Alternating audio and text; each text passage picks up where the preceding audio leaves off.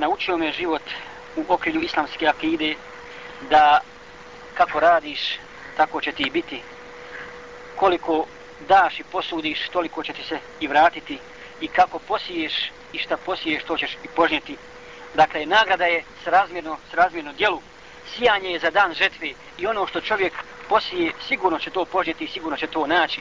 Primjer za to je, braćo, jedan čovjek koji je imao u, svojoj, u svojom vlasništvu jednog roba i naredio mu je došao, a ovaj njegov, njegov vlasnik je bio zulumčar veliki prema njemu i donio ovome robu za vrijeme sjetve, donio mu je pšenicu i rekao, evo posio mu pšenicu.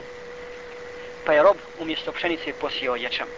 I vlasnik nije dolazio, nije dolazio dok nije bilo za, za žetvu, žito. Pa kad je došao i vidio, vidio ječam, pa kaže, čovječe, šta ti, ja sam ti rekao da posiješ pšenicu, ti posio ječam.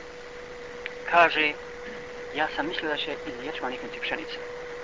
Pa kaže, ahmaku jedan, budalo jedna, zar se nadaš da se očekivo da će iz ječma niknuti pšenica?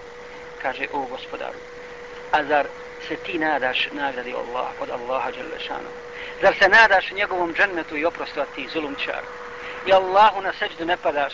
Zar se nadaš da će ti Allah oprostiti grijehe, a nisi mu pokoran?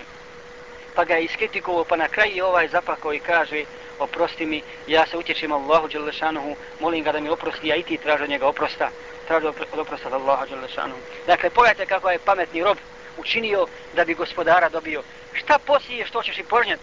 Ne možeš ti biti zulumčar, a očekivati džennet i očekivati nagradu od Allaha Đalešanuhu, a to kaže uzvišeni men amila saliham min zekarin au untha, wa huwa mu'minun, falanuhijennahu hajatan tajjiba. Onaj ko bude radio dobro djelo, bio muško ili žensko, mi ćemo dati da proživi lijep život na dunjalu.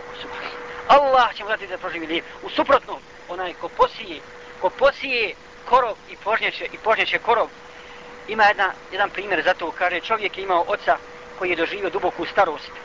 Doživio duboku starost i ovaj više izmetio mu je dugo, dugo. I više mu je dodijalo i na kraju kaže, babo spremi se, hoće da ga ubije. Babo spremi se. Kućeš me, kaže, vodim te kud ja znam. I poveo ga do njega u pustinju, ispustio ga i kaže, šta ćeš sa mnom čovječe da uradiš? Što si me doveo ovdje u pustinju? Kaže, doveo sam da, da te ubijem, ne mogu više izdržati. Subhanallah, sin oca da ubije, da ga zakolje. Pa kaže, sine, zbog čega to? Kaj, ne mogu više, dodijelo mi. Ja sam ti toliko izmetio, radio, mislio sam da ćeš umrijeti, nikad umrijeti.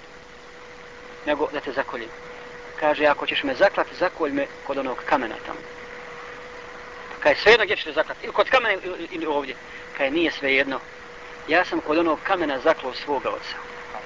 Ja sam kod onog kamena zaklao svoga oca, pa i ti mene tamo zakolje. Onaj kako ko radi, tako ga, tako ga Allah i nagrađuje, tako ga Allah i nagrađuje i Allah ne zaboravlja zlozulum ceara.